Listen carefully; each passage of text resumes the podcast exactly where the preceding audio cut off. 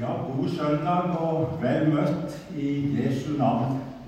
Det er flott at vi bruker anledningen som gis oss, til å samles eh, midt i vanskelige tider. Så vel møtt av deg, å si i Jesu navn. Vi skal lese det som er teksten for søndagen, og det finner vi i Lukasevangeliet kapittel 4, fra vers 16.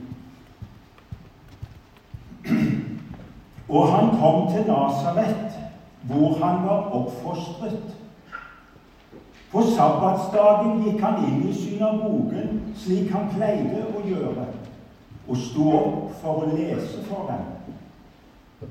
De ga ham da profeten Jesajas' bok, og da han hadde åpnet boken, fant han stedet der det står skrevet.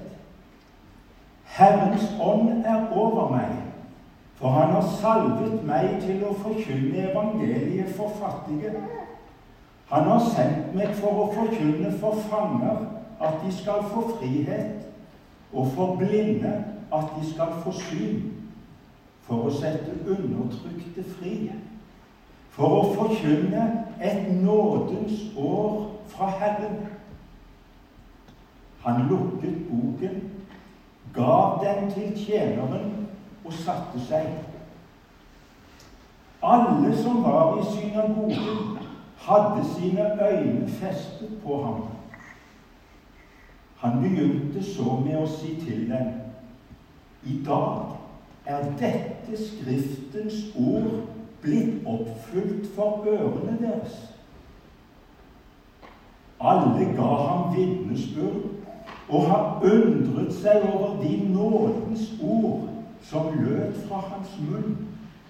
Og de sa, er ikke dette Josefs sønn?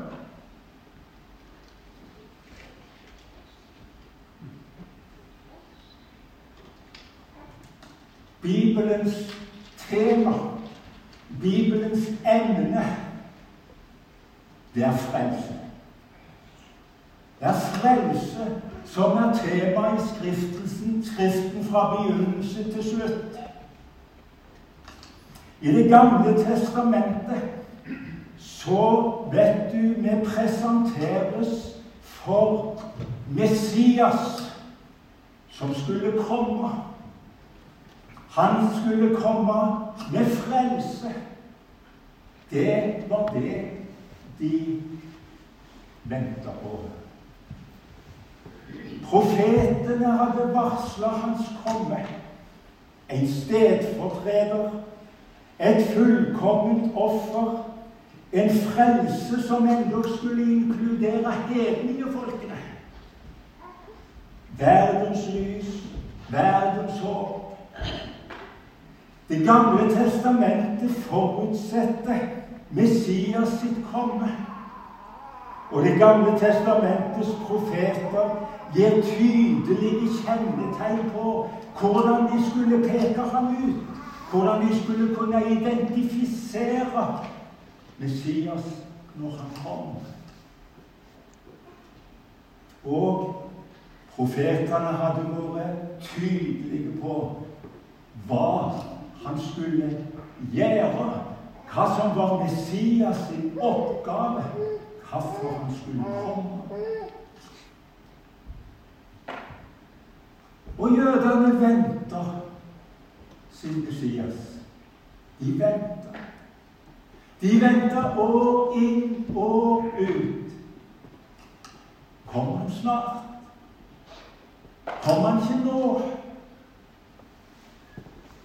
Denne forventningen den ble de faktisk minnet om hver eneste sabbat, som var lørdagen, når de kom sammen i synagogen.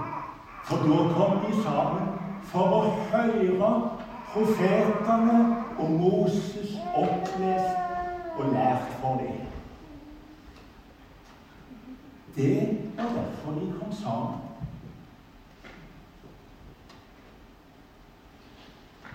Vi har ingen nedtegninger i Bibelen om Jesu liv mellom han som tolvåring, når han var med sine foreldre til tempelet i Jerusalem, til han står offentlig fram da han var om lag 30 år.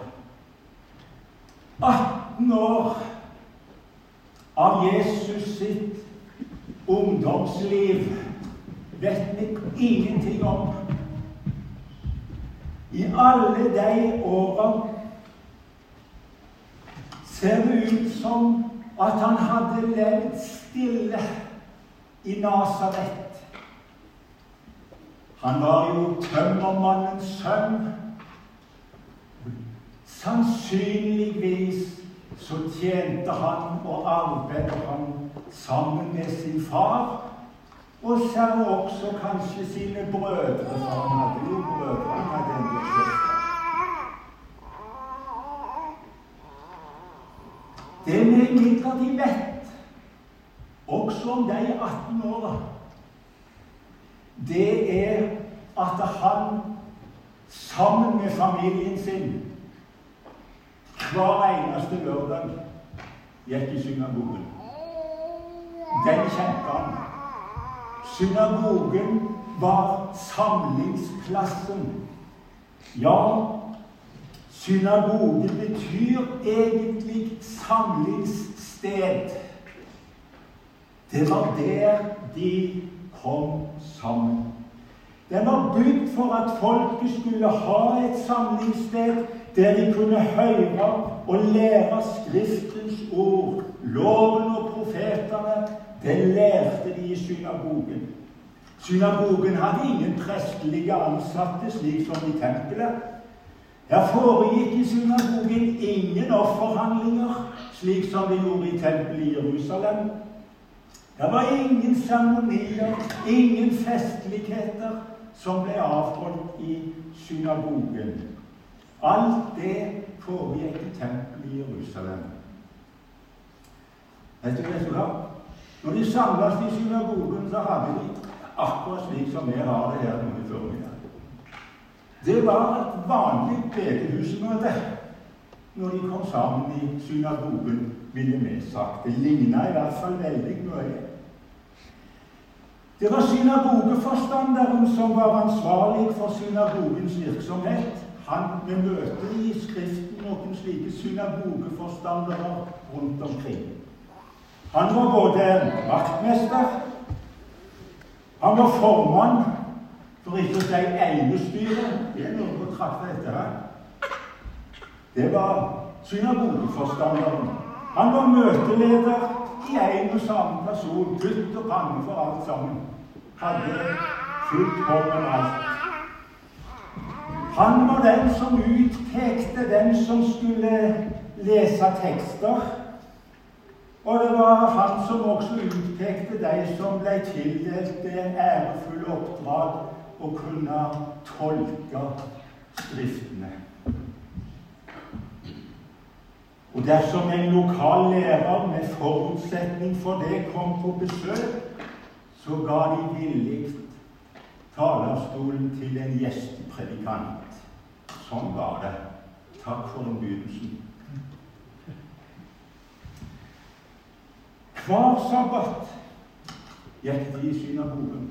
Hver eneste sabbat.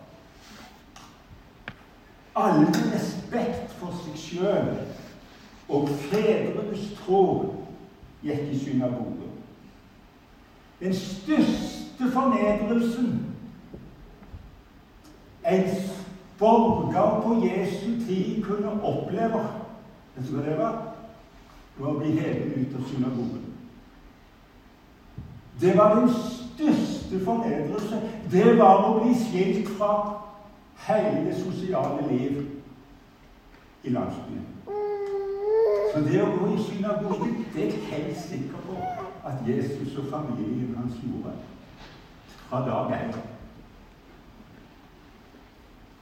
Hvordan hadde vi det når de kom sammen?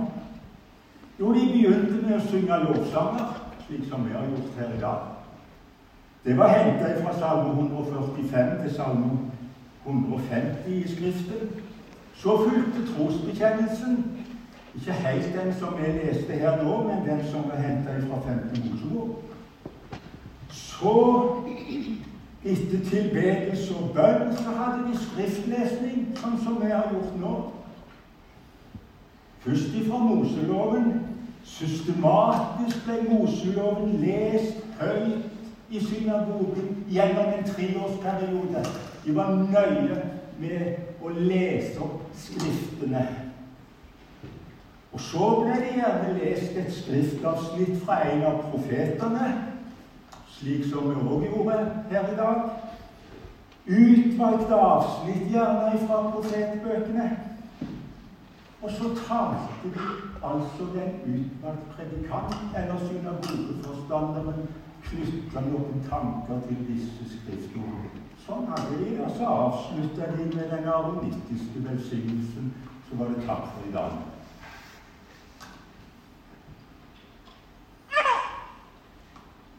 Jesus er kommet hjem. Han skal tale i synagogen på lørdag. Det som du kan merke, hvordan det ryktet går i landsbyen i Nasaret Det var kanskje mange synagoger i Nasaret for den del. Men nå, på lørdag, er det Jesus som skal være i synagogen. Og det var veldig spennende. For det var nå gått nesten ett år siden Jesus hadde stått offentlig fram. Og da hadde han stort sett vært i Judea. Han hadde vært en liten tur tilbake i, i eh, Kana, der han gjorde vann til vin i bryllupsfesten. Men stort sett ellers hadde Jesus i det året vært i Judea, i Jerusalem. Der hadde han møtt Nikodemus, vet du. Der hadde han der hadde han endog hatt en tur opp om Samaria til den samaritanske kvinne ved brønnen. Alt det hadde skjedd i den perioden. Og nå nå vendte han tilbake til Galilea. Nå kom han hjem. Og ryktet om han, står der, ble spredt om vidt omkring. Og de visste helt sikkert, alle de som satt i synagogen denne lørdagen, de hadde hørt om alt det som hadde skjedd i det der året som lå bak. De hadde hørt om det han hadde gjort i Kana. De hadde hørt om han at han hadde vært der ute ved Jordan og møtt Johannes, som døpte. For alle hadde jo gått ut dit for å se og høre ham. Ja, da hadde de ennå lurt på om det var Johannes som var Messias. Det kan du lese om i Johannes evangeliet. Nei, sa Johannes, det er ikke meg. Men det kommer en etter meg. Han er ikke verd å løse skoene for han må dere høre. Og når han kom til Johannes der ute ved Jordan, så vet du at Johannes identifiserer Jesus, og så sier han Se der, Guds lam som bærer bort verdens synd. Og Johannes står fram og vitner for alt folket og identifiserer Jesus og sier han er Guds sønn. Åh, det var oppsiktsvekkende. Det var jo sjokkerende.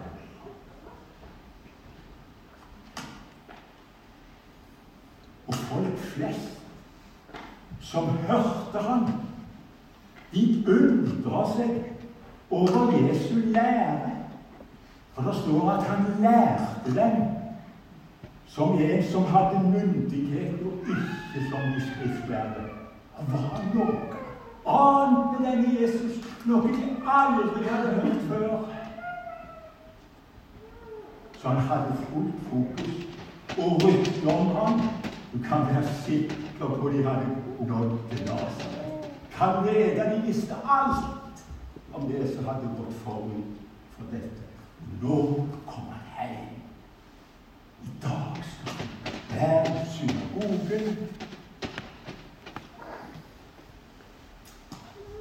Kan du se det for deg? Helt sikker på det var fullt. Det var ikke korona heller. Var helt sikkert stappfullt.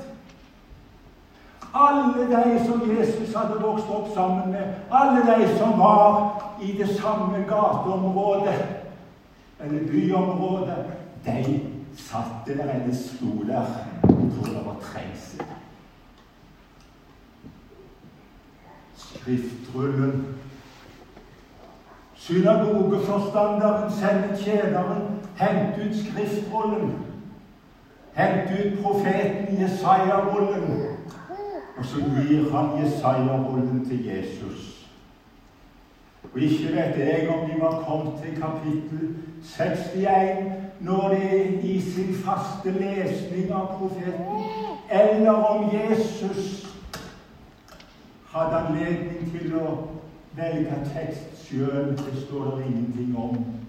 Men i hvert fall så står det det at Jesus, han slår opp og begynner å lese fra Jesaja 61, vers 1 og 2. Herrens ånd er over meg. For han er sannet meg til å forkynne evangeliet for fattige.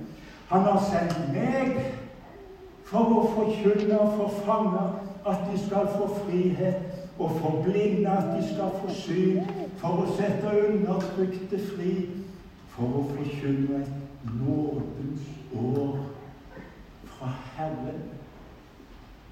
Jeg vet ikke hvordan det hørtes ut når Jesus leste teksten. Men jeg kan bare ane meg hvor han la trykket henne. Herrens ånd er over meg. Han har sendt meg til å forkynne. Han lukker bokrullen forventningsfullt på hva han nå kommer til å si. Så står det at folket sine øyne festa på Jesus, samtlige. Og nå lurte de på hva sier nå?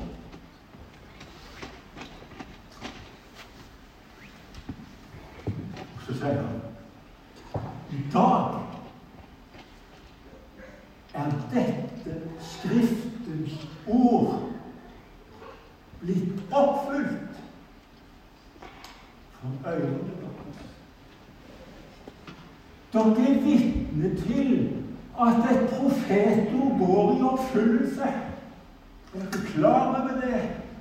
I synagogen i Nasaret denne lørdagen så dokumenterer Jesus at det skriftordet fra profeten skrevet 700 år før nå, i dag, er oppfylt. I dag er det en realitet. Hva sa han? Det som jeg ser nedover flokken, i begynner og lurer på du, Det rykker i de alle sammen. Sa han i dag? Hva mener han? Hva tenker han om seg sjøl? Hvem tror han han er? I dag De visste Jesaja talte om Messias i denne teksten. De var ikke i tvil om hvem det var han sikta til. Han som skulle komme og fri de ut, frelse de, gjenreise riket for Israel. Men alltid hadde de sagt en dag. En dag er framme. En dag skal det skje. Da kommer Men alltid noe fremtidig. Det fortsetter som før. Livet går sin gang. Men han sa i dag. I dag. Ja, mer enn det.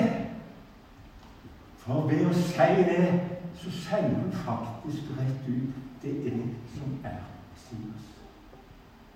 Det er jeg som er Han som Jesaja taler. Hurra!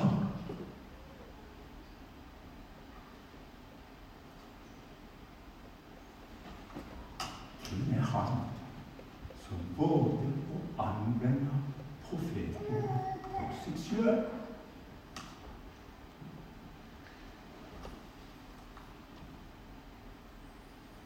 Hvordan kan han si at Herrens ånd er over meg? Hvordan kan han si at det er jeg som er den utvalgte Messias? Kan du gi oss noen bevis?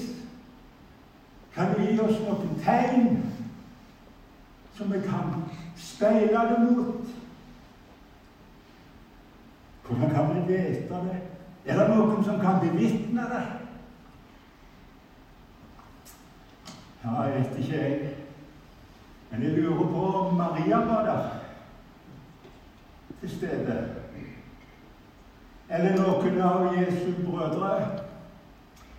Iallfall hvis Maria hadde vært der, så kunne de jo sjekke ut med henne.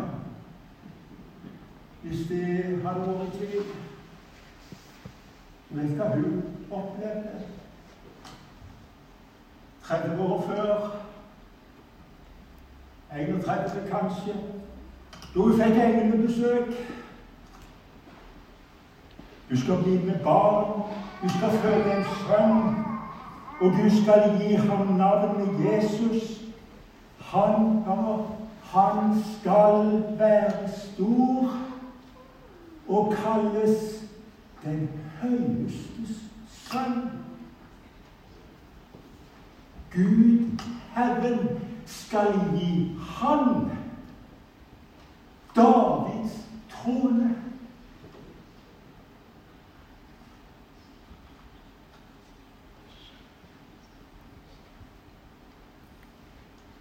Jeg tror ikke det var noen hyrder i synagogen, for de var så hyggelig sett. Men hadde det, hadde det, vært noen som kunne tenke 30 år tilbake i tid, når Jesus ble født, så ville de ha kunnet bevitne at vi så og hørte at himmelen bekrefter at den som var født i Betlehem, han var Sias. I dag er det født opp en frelser som er Kristus, den samlede Kristus, Herren i dagens Gud.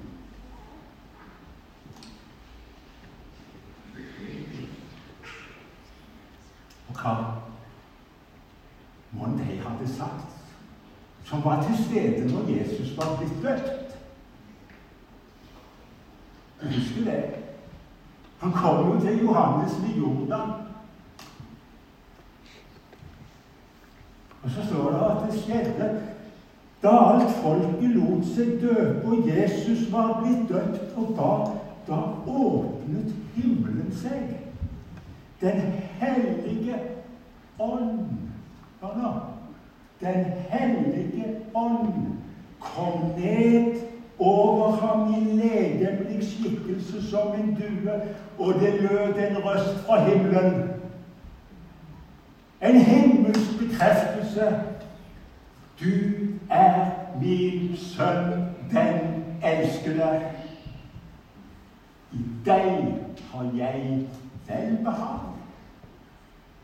For mange som hørte det ute ved Jordan. Kanskje det satt noen i synagogen i Nasaret som hadde vært vitne til det. Vi vet ikke. Men de som var der, var ikke i tvil. Himmelen bekrefta det er han. Det er han som er Messias. Det er han som er som Gud har velbehag i. Det er han som er Guds sønn. Og det stemte med profetordet som vi hadde hørt så mange ganger før fra Jesaja 42 år. Se min tjener som jeg støtter, min utvalgte som min sjel har velbehag i. Jeg legger min ånd på ham. På ham. han skal føre rett ut til hedningene. Ja, han Herrens ånd har salvet meg, sier Jesus. Hvorfor har han gjort det? Jo, for at han skulle forkynne et helt bestemt budskap. Messias sin gjerning og oppgave beskrives her gjennom fire metaforer, fire bilder, som alle illustrerer Det er et bilde på deg som satt som tilhører når Jesus leser Jesaja-teksten. Det er bilder på en beskrivelse av den åndelige tilstand som de som hørte Jesus den gang, befant seg i, og som alle senere befinner seg i. Det er Bibelens beskrivelse av den tilstand syndefallet har ført, med seg, og hvordan menneskeslekta ser ut sett fra himmelsida. Det er ikke noe lystelig syn. Han har sendt salva meg til å forkynne evangeliet for fattige. Derfor han kom. Derfor kom Jesus. Skulle forkynne evangeliet. Det er jo godt nytt. Han kommer med gode nyheter. Han skal forkynne godt nytt for fattige. Hvem er det? Hvem er de fattige?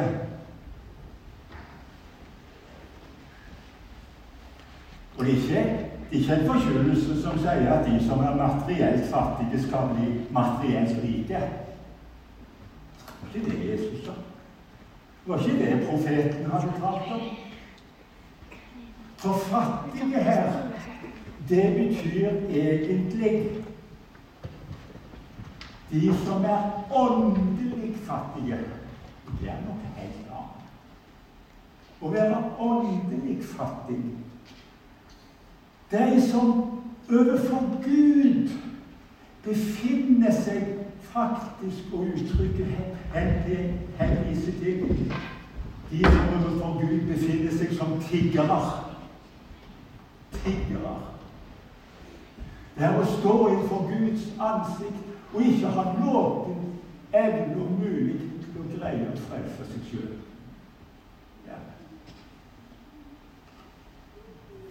Fattig vil si å befinne seg i tiggerstatus overfor Gud.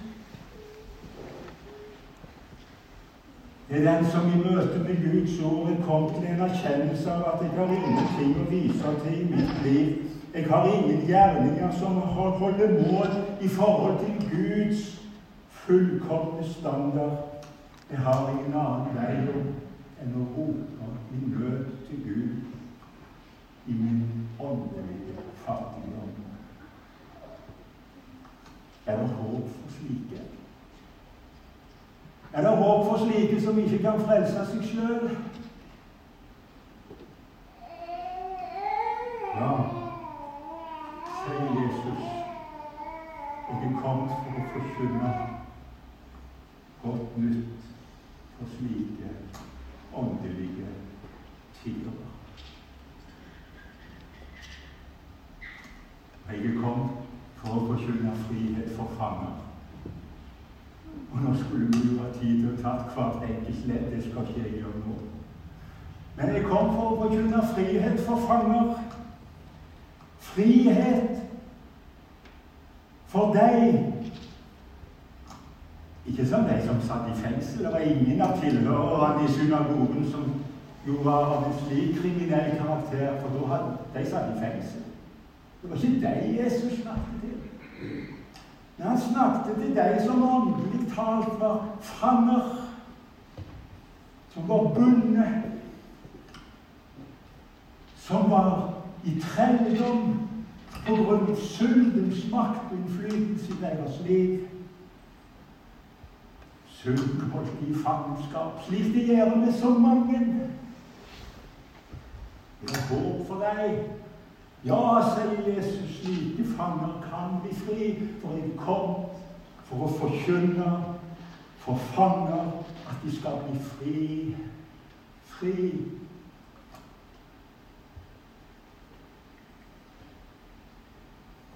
Blinde kan få syn.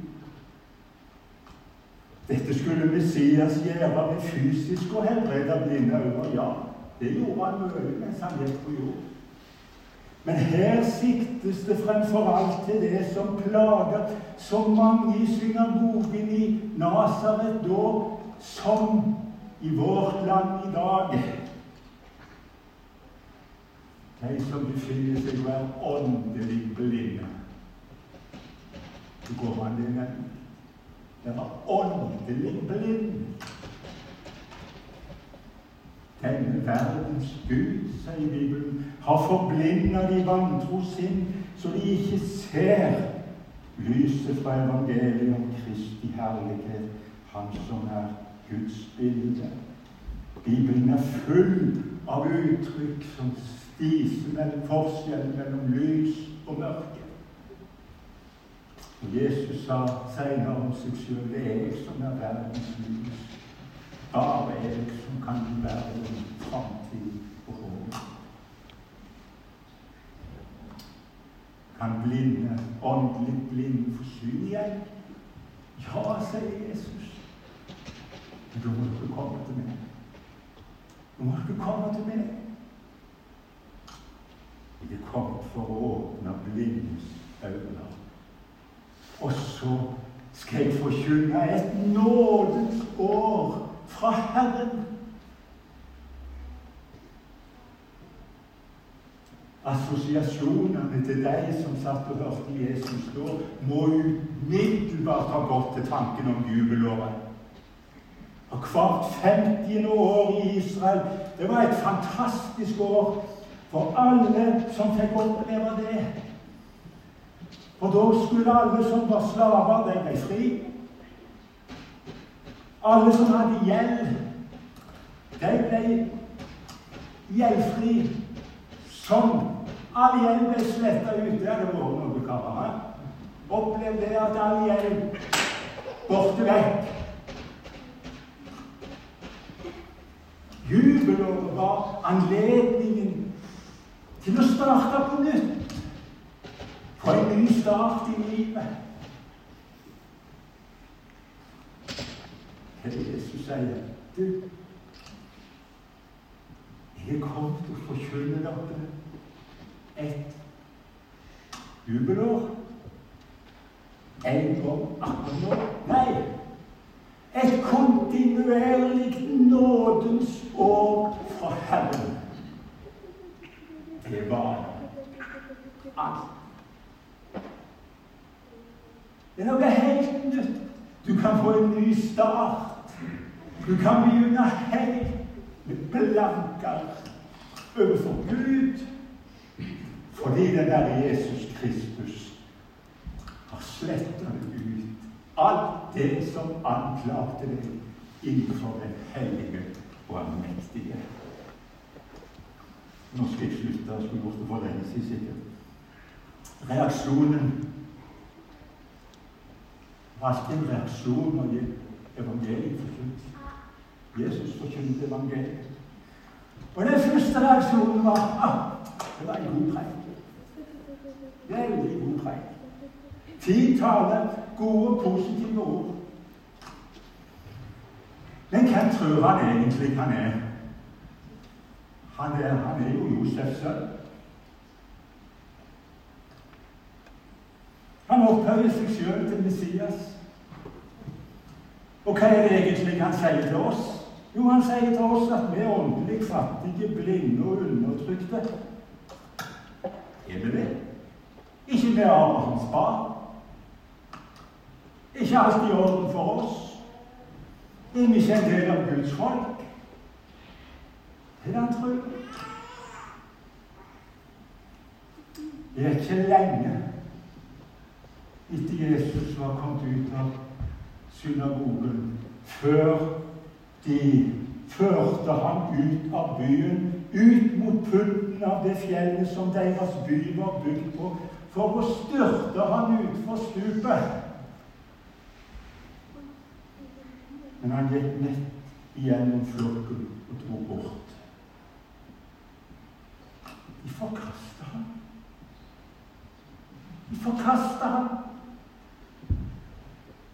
Det er tragedien. Det var tragedien da han kom til sine egne, og hans egne tok ikke imot ham. De forkasta ham. Hva med Hva med du som er i synagogen i Salem? Hva har du gjort med Jesus? Hva betyr han i ditt liv? Hvem er han i ditt liv? Våg å ta over oss. Du venter at Jesus skal komme. Ja? han er kommet. Jesus er kommet. Han kom med frelse. Jeg vet ikke om du la merke til når de leste teksten fra Jesaja 61 3.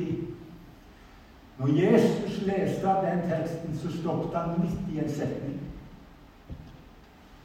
Jeg tror du la merke til det. Jesus leste og utropa et nådens år fra Herren. Punktum. Nå står litt mer der hos Jesaja. Og, står det, en hevnens dag fra Gud. Hvorfor leste ikke Jesus det? Jeg skal si deg hvorfor han ikke leste det. Fordi den dagen er ennå ikke kommet. Det er den dagen som ligger deres framme, som ingen av oss kjenner. Den dagen hvor Jesus kom igjen andre gang. Da kalles det en hevnens dag. Forferdelig uttrykk. Det er dagen da alle de som forkaster Han, blir evig forkasta. Hva har vi gjort med Jesus? Og han får lov å komme til oss i denne adventstid, i denne juletid. Og må han få lov å komme inn i livet vårt. Og han vil være herre i livet vårt. Og Gud gir oss ei adventstid der vi kan få ha fokus på Han